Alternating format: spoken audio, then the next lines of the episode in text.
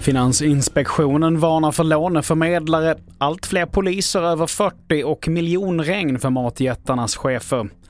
Det här är TV4-nyheterna som börjar med att en 46-årig man åtalas idag för mordet på Liselott i Kramfors.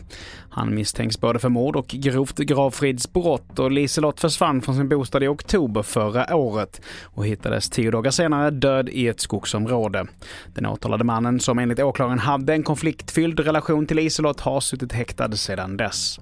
Och vidare till att det har blivit allt vanligare att använda sig av så kallade låneförmedlare i takt med att hushållens skuldsättning ökar. Men nu varnar Finansinspektionen för att branschen har brister och bland annat gör det svårt för bankerna som ger själva lånet att kreditpröva konsumenten. Vi ser att det finns brister i hur den här låneförmedlarbranschen är uppsatt idag och det gäller framförallt då i avtalet, alltså relationen mellan låneförmedlaren och långivaren. Risken är ju att du beviljas ett lån som du egentligen inte har ekonomi för att kunna betala och det ökar ju risken att du sen får betalningsproblem.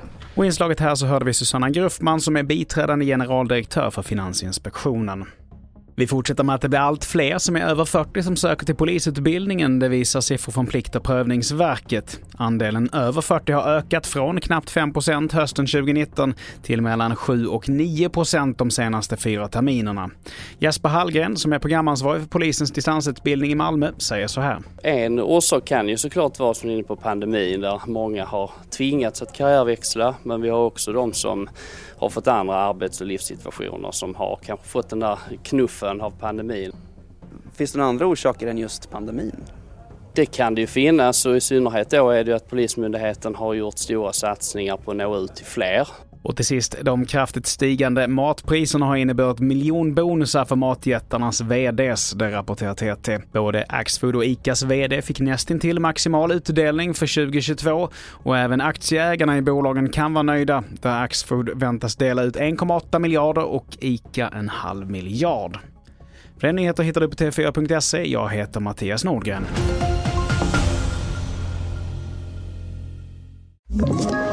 Ett poddtips från Podplay. I podden Något Kaiko garanterar östgötarna Brutti och jag, Davva, dig en stor dos skratt. Där följer jag pladask för köttätandet igen. Man är lite som en jävla vampyr. Man har fått lite blodsmak och då måste man ha mer. Udda spaningar, fängslande anekdoter och en och annan arg rant. Jag måste ha mitt kaffe på morgonen för annars är jag ingen trevlig människa. Då är du ingen trevlig människa, punkt. Något Kaiko, hör du på Podplay. Därför är gardinerna.